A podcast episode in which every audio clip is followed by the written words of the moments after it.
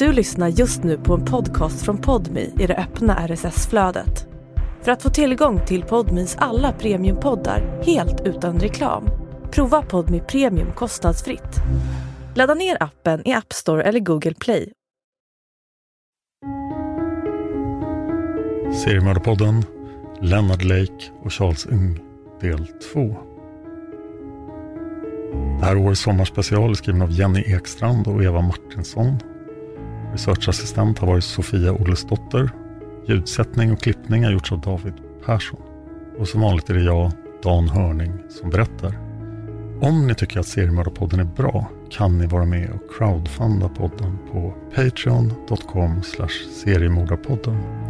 Där väljer ni en summa som ni tycker varje avsnitt är värt, vanligtvis 2 dollar.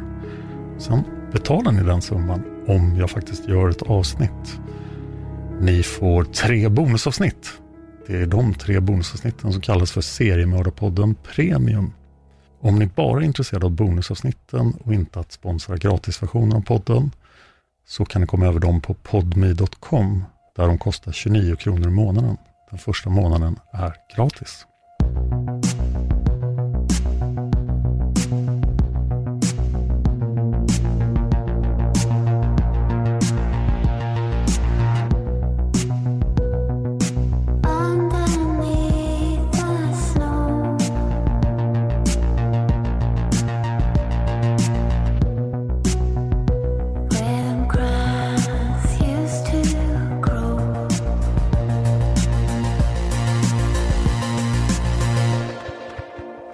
Efter skilsmässan från Karen hade Lennart inte råd att betala huset och det såldes.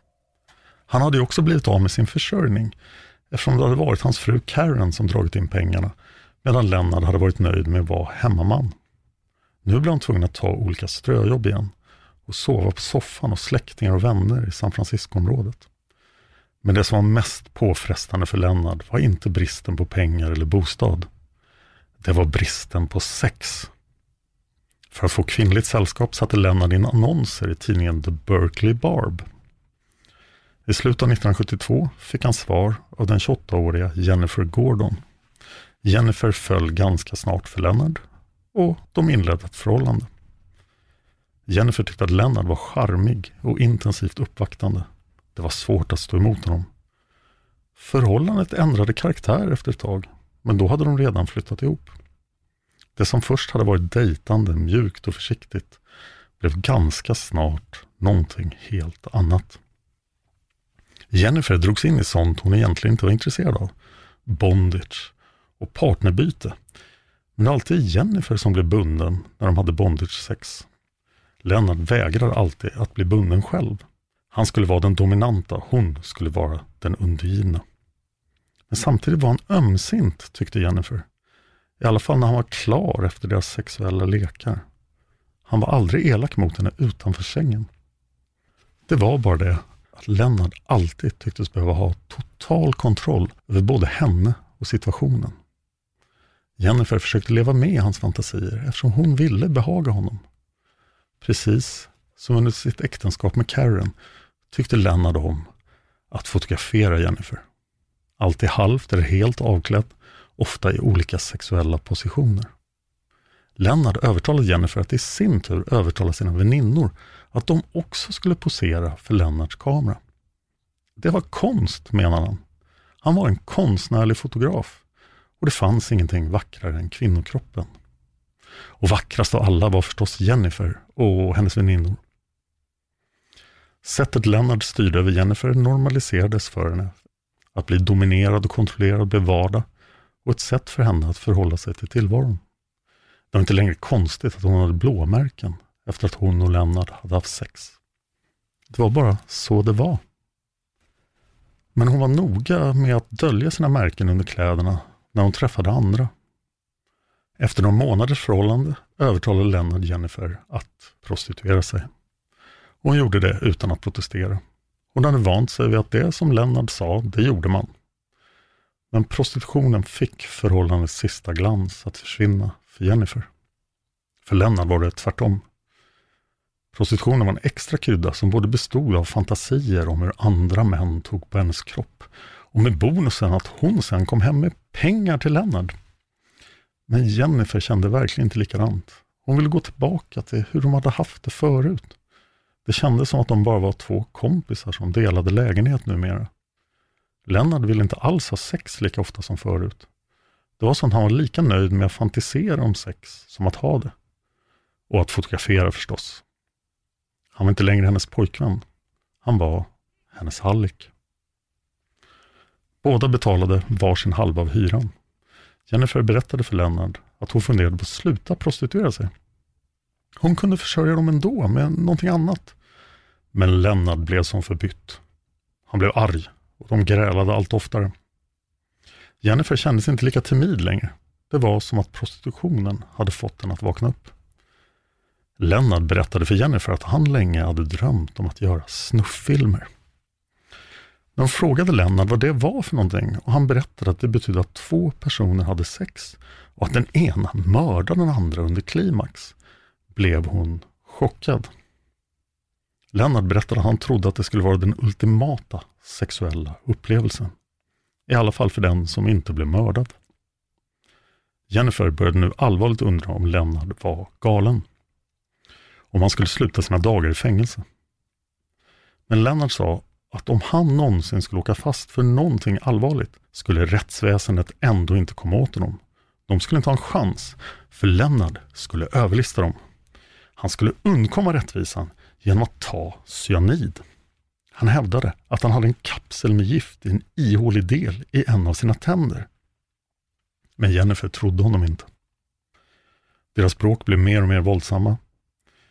Vid ett tillfälle slutade bråket med att Jennifer låg på golvet med Lennarts fot mot strupen. Hon flyttade ut nästa dag. Det var juni 1973. Lennart Lakes tankar cirklade nu runt två saker. Hans innersta fantasier. Den första var att fånga en ung kvinna och hålla henne som sexslav. Som i hans favoritbok Samlaren. Hans andra besatthet var tankar på en oundviklig katastrof av något slag. Armageddon. Det kunde vara en kärnvapenkatastrof eller en miljökatastrof. Någonting skulle hända och det skulle hända snart. Och då gällde det att vara beredd. Lennart kände allt starkare att han behövde komma bort från staden och flytta någonstans ut på landet där han kunde använda kunskaperna han hade fått under sin tid i flottan. Han behövde bara hitta den perfekta platsen. Kanske invid en outforskad skog eller till och med långt inne i skogen. Han hade ju alltid känt att hans rätta element var naturen. På vinst och förlust packade Lennart ihop sina få ägodelar och begav sig norrut. Han körde tills han kom till Ukiah, 20 mil norr om San Francisco. Ukiah, ett namn USAs urinvånare har givit området, betyder djup dal och ligger i en dalgång mellan två bergsmassiv. Det bördiga landskapet täcks av päronodlingar och vindruvor. Jorden ger också näring till skogarna som brer ut sig utmed bergssidorna. Skogen ger bra avkastning av timmer och timmerbilarna syns hela tiden köra fram och tillbaka ut med vägarna. I början av 1970 hade Ukiah 12 000 invånare. Många härstammade från italienska bönder som slagit sig ner på platsen efter att de invandrat till landet för att finna ny ekonomisk lycka. Lennart fick snabbt arbete på ett företag som ägdes av delstaten Kalifornien. Företaget byggde och renoverade bostäder för låginkomsttagare. Lennart gjorde bra ifrån sig på jobbet och blev efter ett tag utnämnd till arbetsledare. Han skrev också in sig på Mendocino College. Lennart hade alltid varit smart, men han hade aldrig studerat vidare. Dessutom kände han att han nu äntligen hade ett högre syfte med att plugga. Han tog klasser i djurhållning och slakt. Allt för att kunna bli självförsörjande när det behövdes. Han lärde sig hur man styckade och hur man smidigast skär loss skinnet från köttet. Lennart var en ivrig student och lärarna lade märke till honom. Han var imponerande hängiven studierna. Lennart övertalade kollegor att anställa honom på deltid. Han erbjöd sig att hålla en klass i hur man överlever i vildmarken, parallellt med sitt jobb som byggledare.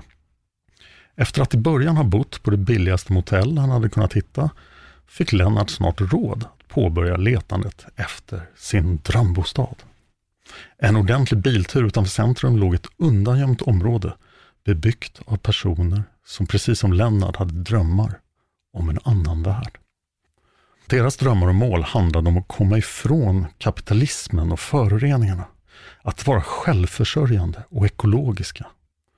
Området kallades för The Ranch. I området The Ranch bodde i början av 70-talet ungefär 200 familjer. Vatten togs från brunnar. Elektricitet fick man från sol eller vattenkraft. Grödorna blomstrade och vilda djur sågs överallt. Vapen och bekämpningsmedel var förbjudna enligt de lokala lagarna. Det fanns ingenting som skrämde de vilda djuren för människorna. Här, tänkte Lennart, hade han hittat sitt paradis. Nu gällde det bara att hitta en plätt mark där han hade råd att bygga en liten stuga. En annan som också hade funnit sitt paradis här var Venus Salem, en ensamstående kvinna i 30-årsåldern.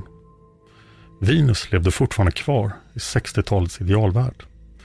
Hon omfamnade det fria, obundna livet och hon hade köpt en bit mark i området.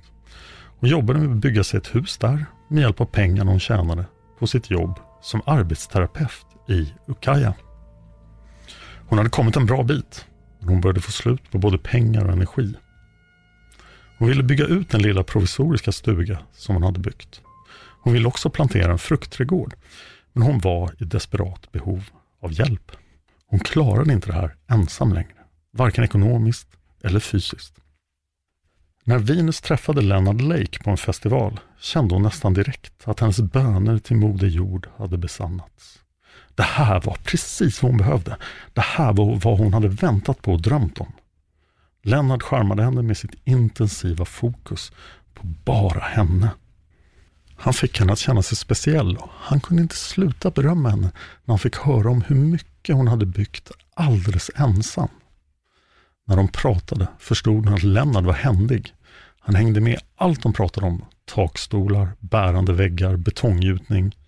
Lennart verkade även kunna en hel del om alternativa energikällor. Ja, han verkade faktiskt veta mycket om det mesta. När Venus berättade om sina planer med att bygga ut sin stuga blev Lennart eld och lågor. Han kunde hjälpa henne. Han var både stark och kunnig. Och hon hade berättat för honom hur slutkörd hon var.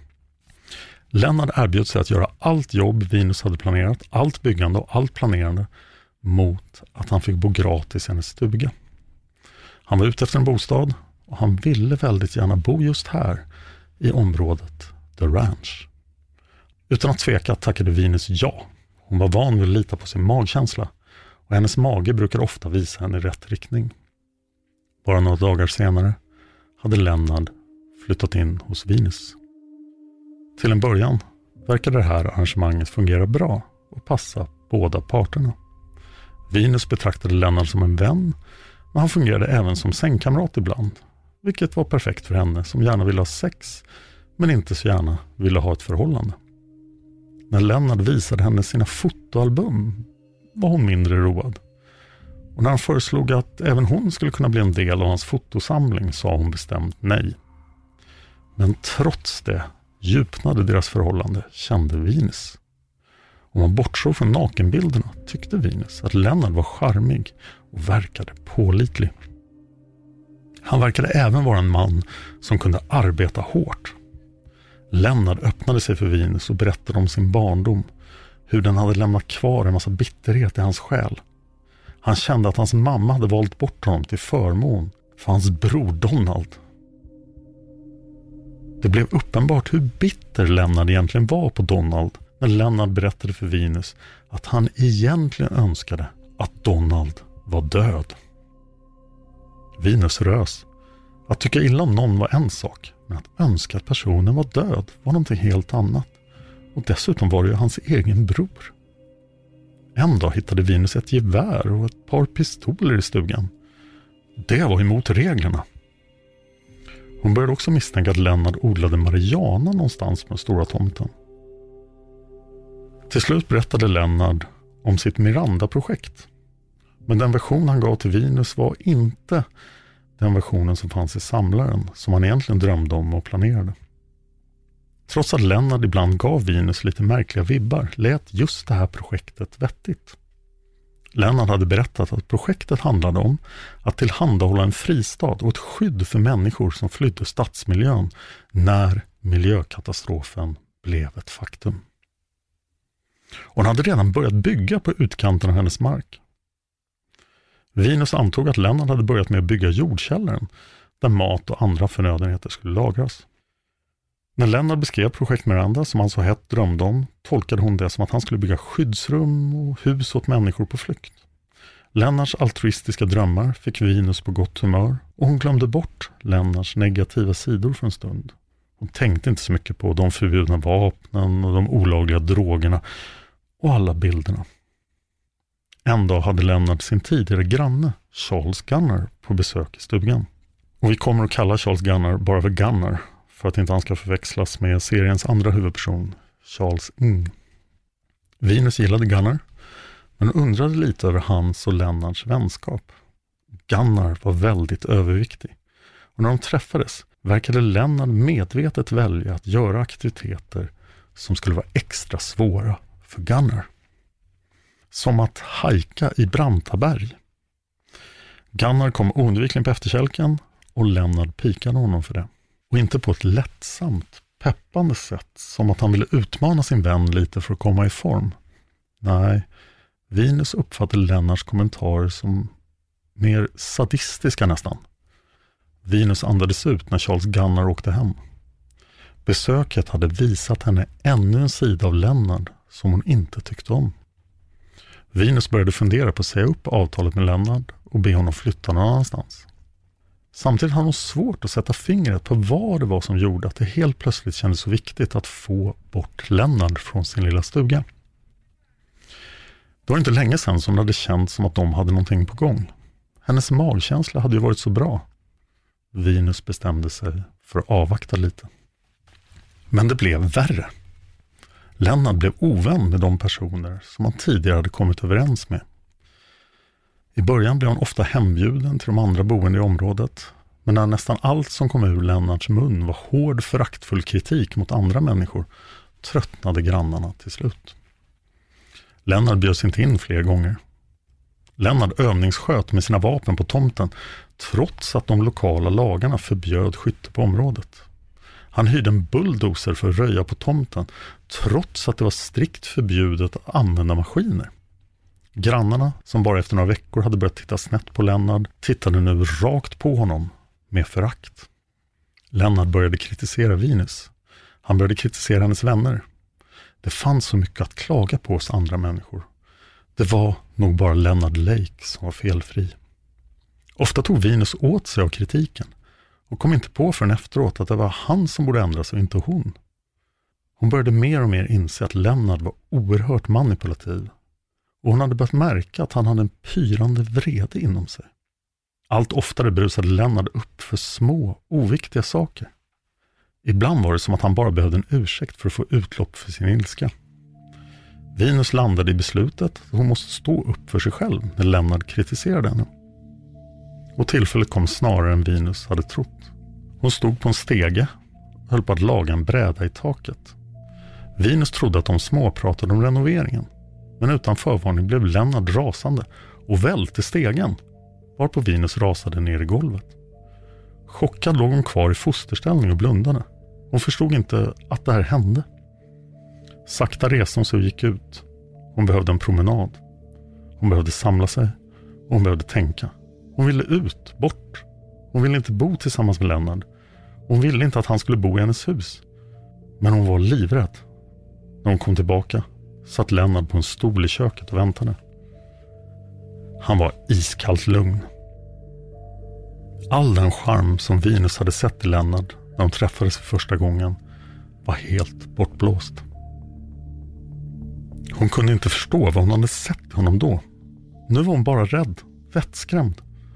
Hon kunde inte sätta fingret på vad det var. Det var inte många veckor sedan hon hade charmats av Lennart och tyckt att han var en hygglig kille. Men det var som att han hade förvandlats till någonting helt annat inför hennes ögon. Någon hon gjorde bäst i att hålla ett ordentligt avstånd till. Venus bad Lennart att flytta ut. Han behövde inte stanna sex månader, han behövde inte bygga klart. Hon kunde ta över bygget här. Men Lennart vägrade flytta. Han hade ett annat förslag istället. Motvillig accepterade Venus ett motbud från Lennart. och gick med på att han skulle få köpa hennes hus. Hennes magkänsla sa henne att det var rätt beslut. Lennart var jättenöjd. Nu var han helt plötsligt huset för sig själv och fick göra precis vad han ville med det. Visst, det hade varit trevligt att ha Venus i sängen, men det fanns nya kvinnor överallt.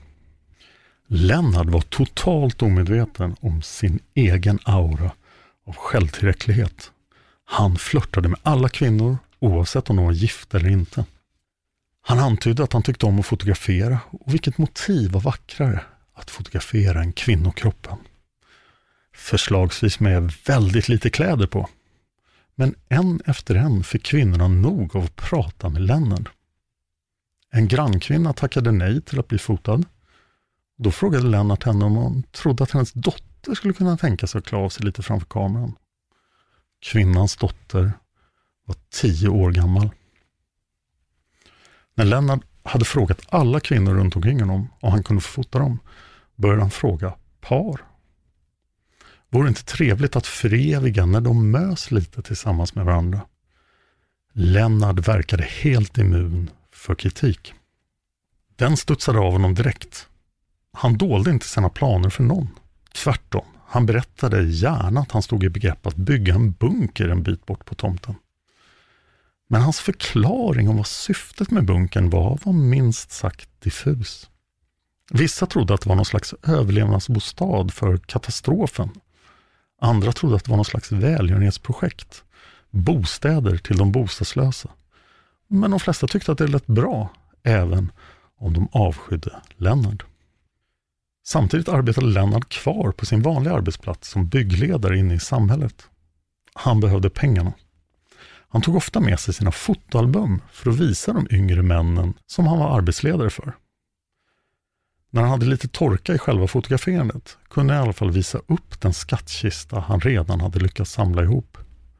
Bilderna på Karen, Jennifer, Jennifers väninnor och alla andra som han hade övertalat att bli fotograferade. Några av de unga männen uppskattade bilderna, men andra fick intrycket av att Lennart nog måste vara en perverterad sexgalning. Lennart bjöd till inflyttningsfest. Han hade hunnit bygga ut sin nya bostad ganska väl och stugan kunde numera kallas för ett hus. Han bjöd in sina kollegor och sa att de gärna fick ta med sig kvinnliga vänner och flickvänner och systrar. Det blev en trevlig fest. Lennart hade både alkohol och egenodlade droger. Efter en stund föreslog Lennart att alla skulle lätta lite på kläderna. Kvinnorna var lättare att övertala än männen. Det var någonting med Lennart som gjorde att de kände sig utvalda och speciella, vackra och fria. Drogerna som Lennart frikostigt bjöd på gjorde förstås sitt till. Eftersom många av deltagarna på festen var Lennarts yngre kollegor vågade de inte riktigt säga emot honom. Lennart var ju deras chef. Och när de såg Lennarts kvinnliga gäster klä av sig ville de inte längre säga emot. Det här var den bästa fest de någonsin hade varit på. Lennart använde all sin fritid till att bygga. Men han behövde hjälp och han behövde mer material. Lennart gjorde upp med en av sina kollegor, den 18-årige Bobby Barnes, att Bobby skulle få bo i en liten stuga med ett sovrum som Lennart hade byggt på sin mark. Mot att Bobby hjälpte Lennart att bygga på huset och dessutom hjälpte honom att stjäla virke från deras gemensamma arbetsplats. Lennart hade skaffat höns och planterat fruktträd. Hans stora tomt började ta form och se mer och mer ut som ett riktigt hem. Eftersom Bobbys nya lilla bostad inte hade något kök tillbringade Bobby ofta middagarna inne hos Lennart. Bobby fick då höra allt om Lennarts vapen och fick lära sig hur de skulle överleva när katastrofen kom.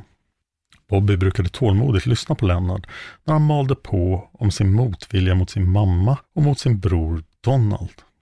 Donald var patetisk, brukade Lennart säga. Bobby kände sig manad att bara hålla med eller att sitta tyst. Han kunde inte säga emot varken mot det Lennart sa eller hans ofta grova ordval. Lennart var hans chef. Och fotoalbumen kom fram efter middagarna förstås.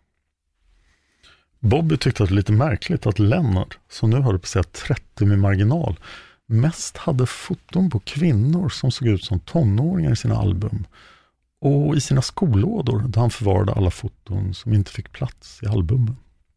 Lennart hade berättat för Bobby att han föredrog riktigt unga kvinnor, men ibland stod inga sådana till buds och då fick han nöja sig med kvinnor som var lite äldre. Bobby la märke till att Lennart verkade väldigt illa omtyckt av grannarna. Det var få som ens hälsade på Lennart.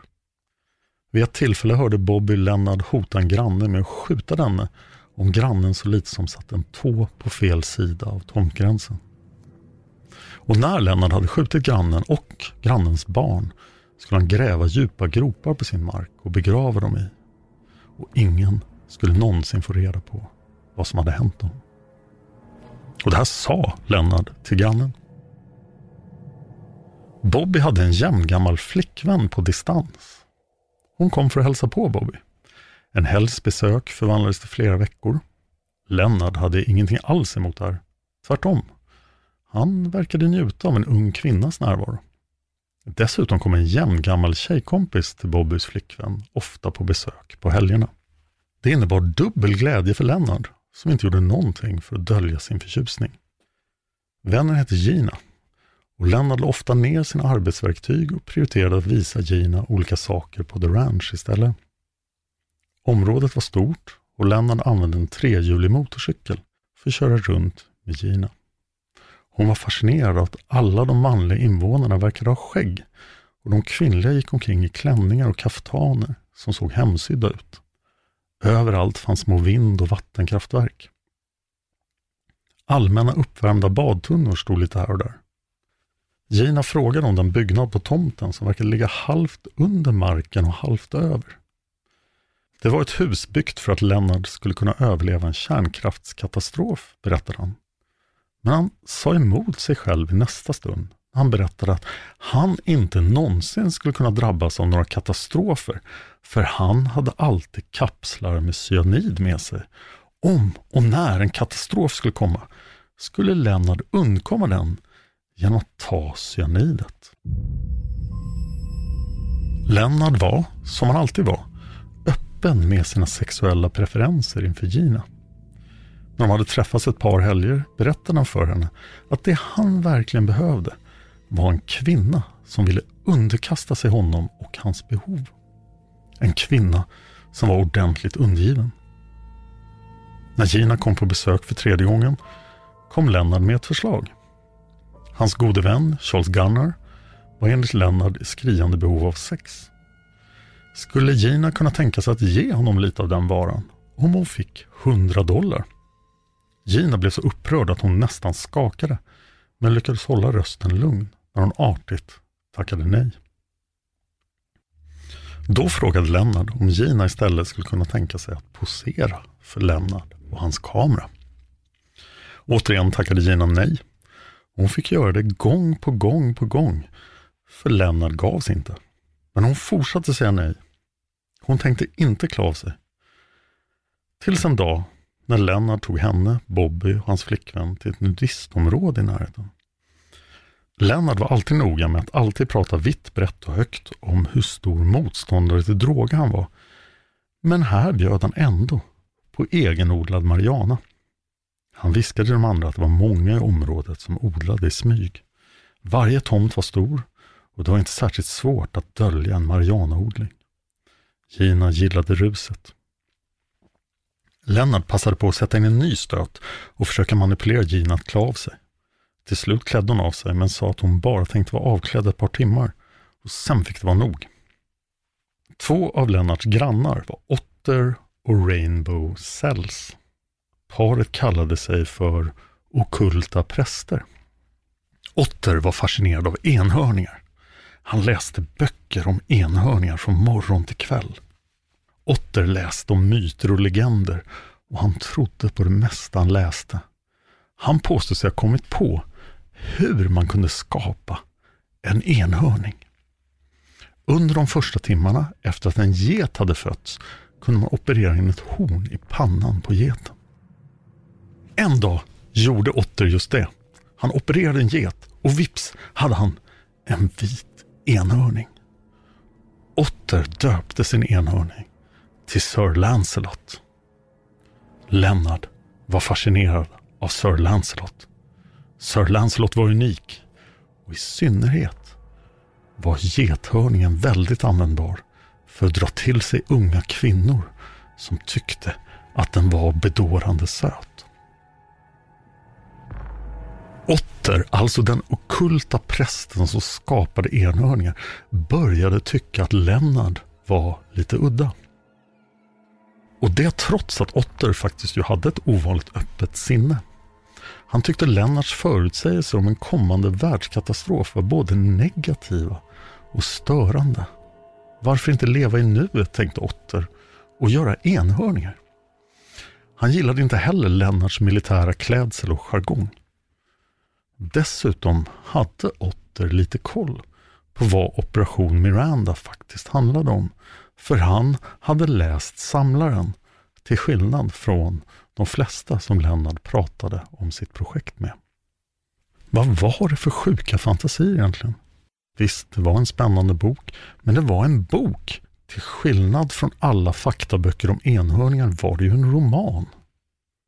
Men Otter smickrades samtidigt av Lennarts intresse för Sir Lancelot. Lennart frågade om han fick låna gethörningen i några timmar. Han kunde betala för det. Och sen frågade han Gina om hon skulle kunna tänka sig att posera tillsammans med en enhörning på ett foto. Naken naturligtvis. Lennart berättade för Gina att en enhörning symboliserade oskuld och det vore så vackert just med hennes nakna oskyldiga kropp tillsammans med enhörningen. Gina tyckte att förslaget var larvigt. Hon var inte ens oskuld. Och det visste Lennart om. Han hade nämligen till slut övertalat Gina, inte till att vara med på foton, men till att ha sex med honom. Detsamma hade han lyckats med med Bobbys flickvän, men utan att Bobby visste om det förstås. Men att posera med en enhörning som hade fötts som get, där gick Ginas gräns. Lennart ryckte på axlarna. Att Gina tackade nej gjorde absolut ingenting. Sir Lancelot var en oerhörd tillgång att ha med sig när man ville förföra och manipulera kvinnor. Det kände han på sig. Han började förhandla med Otter om att få ta med sig Sir Lancelot och visa honom på olika festivaler. De skulle till exempel kunna ha ett visningsbås där folk skulle betala entré för att komma in och se den unika enhörningen. De kunde dessutom få bli fotograferade tillsammans med djuret för en liten extra kostnad. Och Lennart hade rätt. Det fanns många kvinnor, unga kvinnor, som inte kunde motstå den lilla söta gethörningen. En vårdag 1979 träffade Lennart den 16-åriga Cindy Morgan. Hon kom fram till honom och började ställa frågor om geten.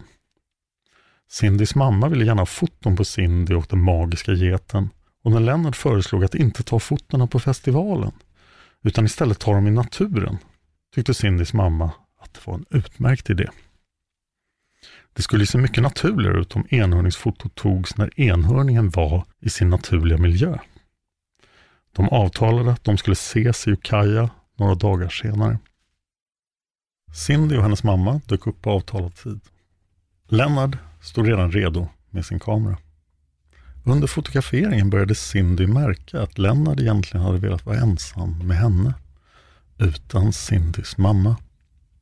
Lennart gick lite närmare Cindy, utom hörhåll från mamman, och viskade att han gärna skulle vilja ta en annan slags foton på Cindy. Lennart vägde sina ord på guldvåg. Nu fick det inte bli fel. Han sa att Cindy vore en perfekt modell för att ta konstnärliga foton. Riktig konst alltså.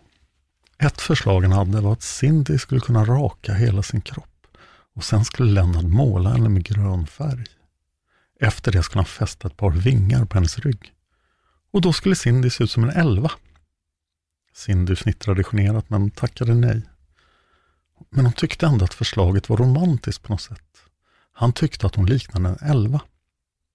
Cindy behöll Lennarts konstnärliga förslag för sig själv och berättade inte för sin mamma att Lennart trodde att hon skulle kunna bli en riktig modell. En vecka senare var det dags för en av de årliga renässansfestivalerna. Renässansfestivaler var på modet och under de varma årstiderna fanns det flera liknande festivaler runt om Kalifornien. Deltagarna klädde ut sig i tidsenliga kläder, umgicks och deltog i olika aktiviteter. Just den här festivalen hölls en bit ut på landet utanför San Francisco. Långt från stadens larm och avgaser. Tält, färgglada flaggor och banderoller dekorerade området och bidrog till den festliga stämningen. Grupper med körsånger och gycklar gick runt på området och underhöll gästerna. Festivalen var den perfekta platsen att ta med sig Sir Lancelot till, tänkte Leonard. Han ringde Cindy som han hade fotograferat veckan innan och frågade om hon ville följa med honom till festivalen. Men Cindys föräldrar sa nej. Cindys mamma visste inte om hon hade inbillat sig, men hon hade fått intrycket av att Lennarts intresse för hennes dotter inte enbart var professionellt. Och Lennart var 20 år äldre än Cindy, men Lennart gav inte upp om att få träffa Cindy ensam.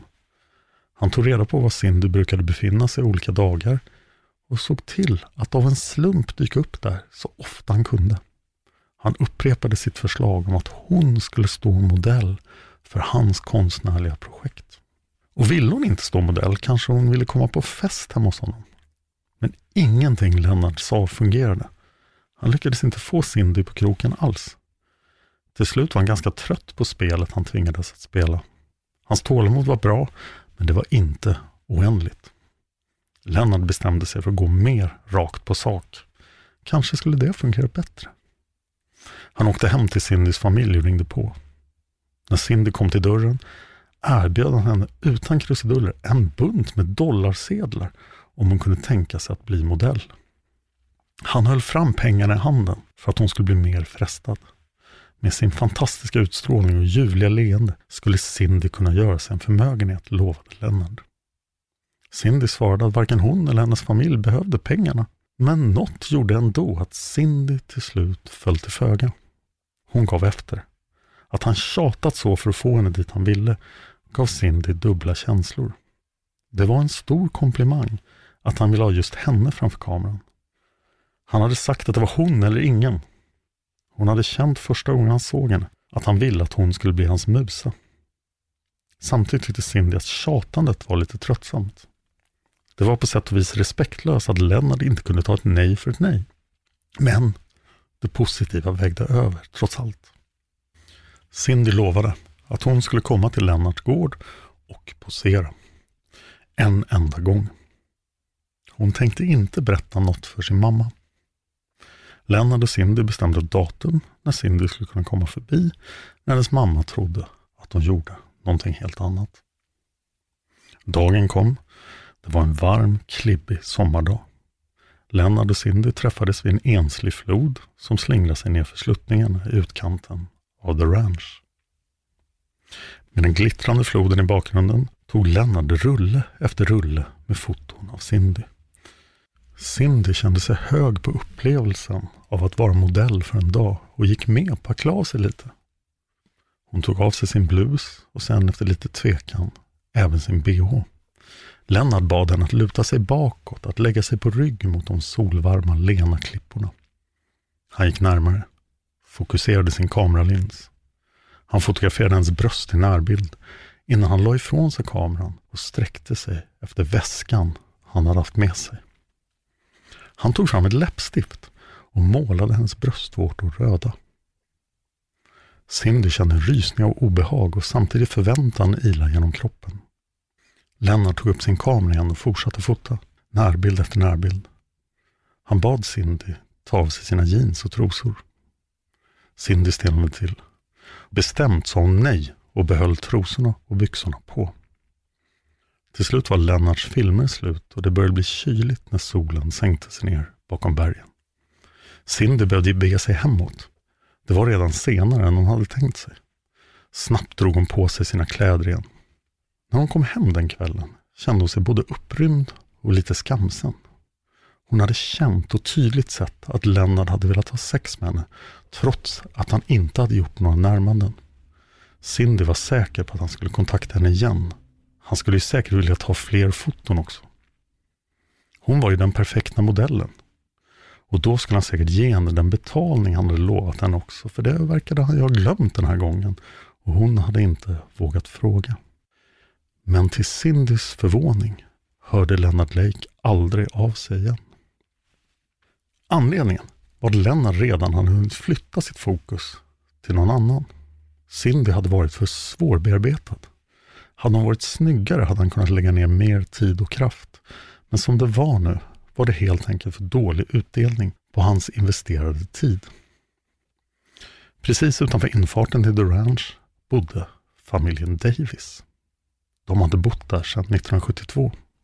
Deras dotter Darlene, som nu var i sina yngsta tonår, hade blivit vän med många av familjerna som bodde inom The Ranch-området.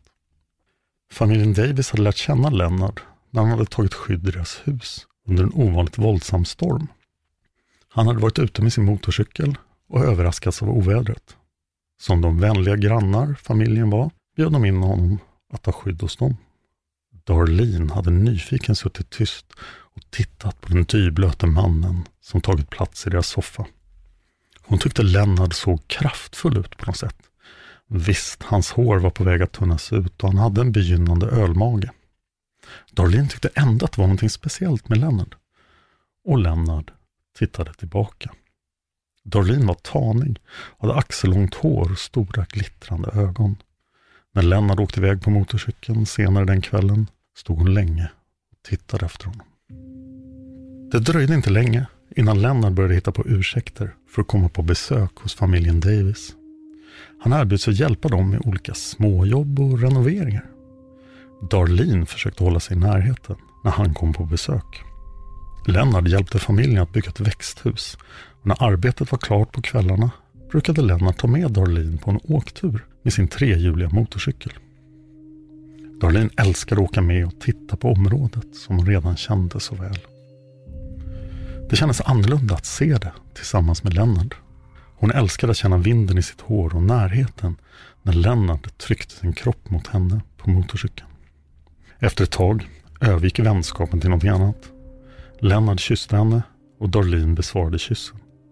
Hon hade aldrig kysst någon förut.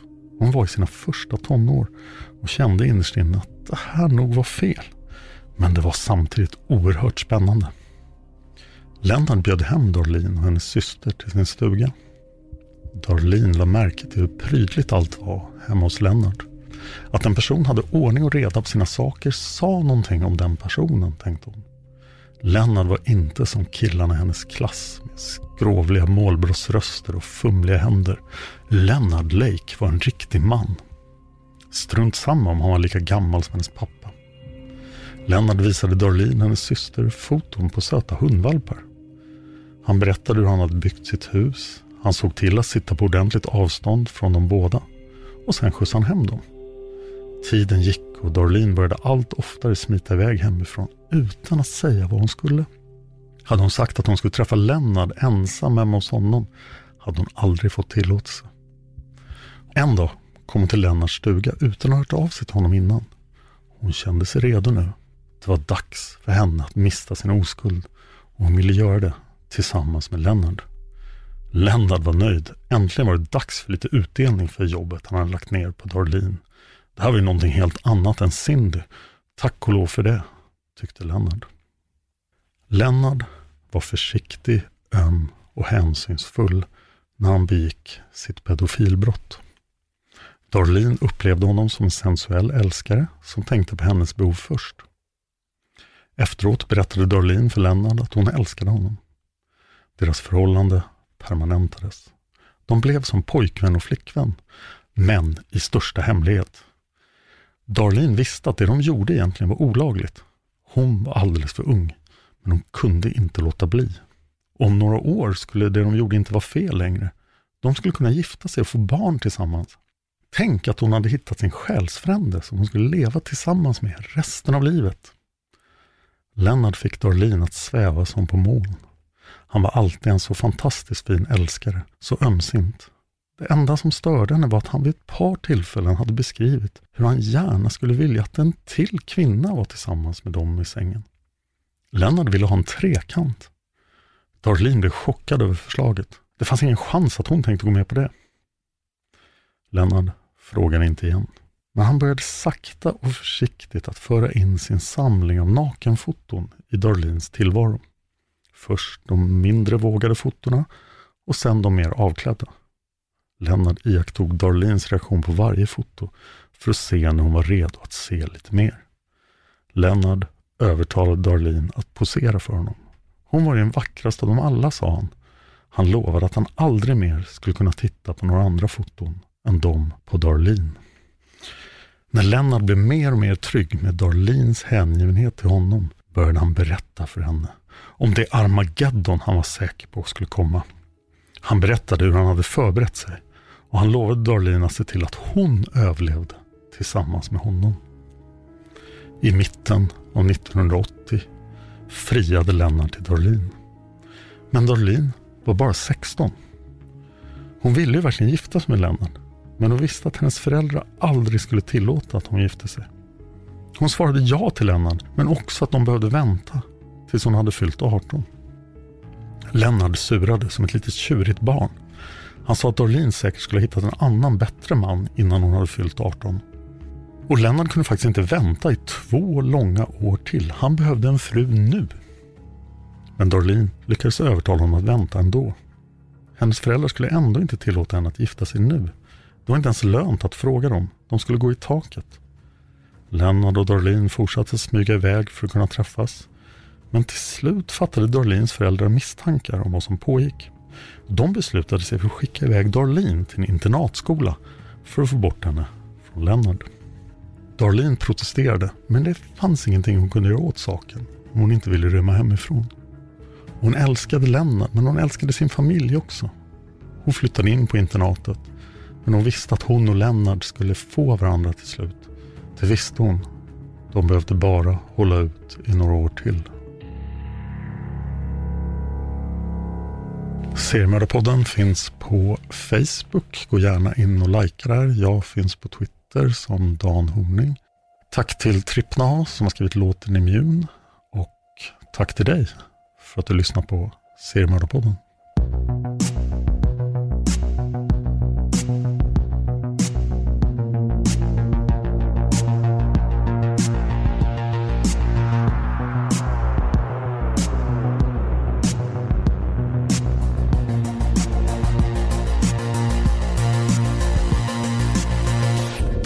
Av I Like Radio. I like radio.